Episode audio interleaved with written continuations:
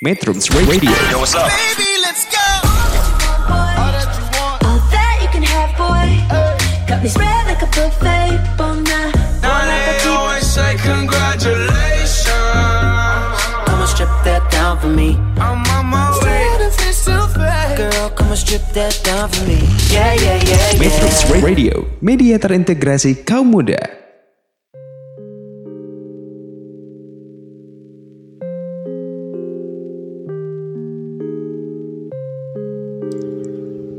Halo semuanya, apa kabar metronom? Kembali lagi di video metrum.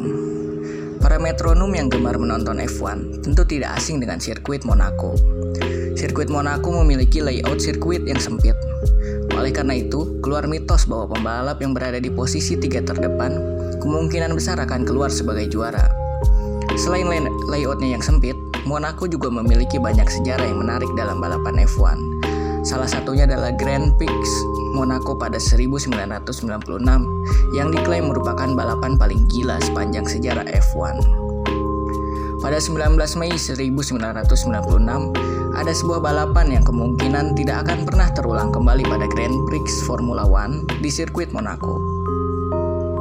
Pada balapan tersebut, untuk pertama kalinya dan satu-satunya dalam sejarah F1, hanya tiga pembalap yang mencapai garis finish. Grand Prix Monaco pada saat itu, pada saat itu berjalan liar di bawah cuaca basah. Kondisi basah yang dikombinasikan dengan sirkuit Monte Carlo yang terkenal ketat, plus sejumlah masalah mesin, membuat banjirnya pembalap yang tak bisa melanjutkan lomba. Michael Schumacher- dan Damon Hill memulai di barisan terdepan. Akan tetapi, Schumacher harus keluar pada lap pembuka setelah alami benturan. Sedangkan Hill harus keluar pada lap 40 karena kerusakan mesin. Pembalap lain tidak jauh lebih baik. Meski begitu, berkat taktik strategi pit stop yang tepat waktu dan kemampuannya tenang di tengah kekacauan, Oliver Panis berhasil memastikan kemenangan yang mengesankan meski mengawali lomba dari posisi ke-14. Hasil itu merupakan satu-satunya kemenangan Oliver Panis sepanjang karirnya di balapan F1. David Coulthard berada di urutan kedua saat balapan mencapai batas waktu 2 jam dengan 75 dari 70 78 lap yang dijadwalkan selesai. Satu pembalap lain yang finish adalah Johnny Herbert. Kesuksesannya naik podium membuat tim Sauber bisa meraih poin. Ya, inilah satu-satunya poin yang diraih Sauber pada musim tersebut. Menariknya, Heinz Harald Frenzen yang harus masuk pit karena semua pembalap di belakangnya telah mundur, mendarat di tempat keempat meskipun tidak sampai akhir.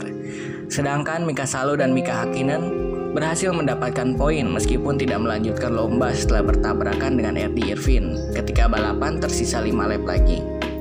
Balapan ini merupakan balapan yang tidak mungkin tidak pernah terjadi lagi. Sekian video kali ini, terima kasih telah menyaksikan. Sampai jumpa lagi pada video selanjutnya.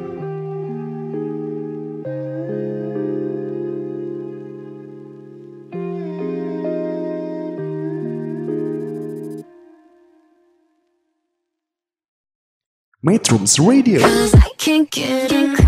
media terintegrasi kaum muda.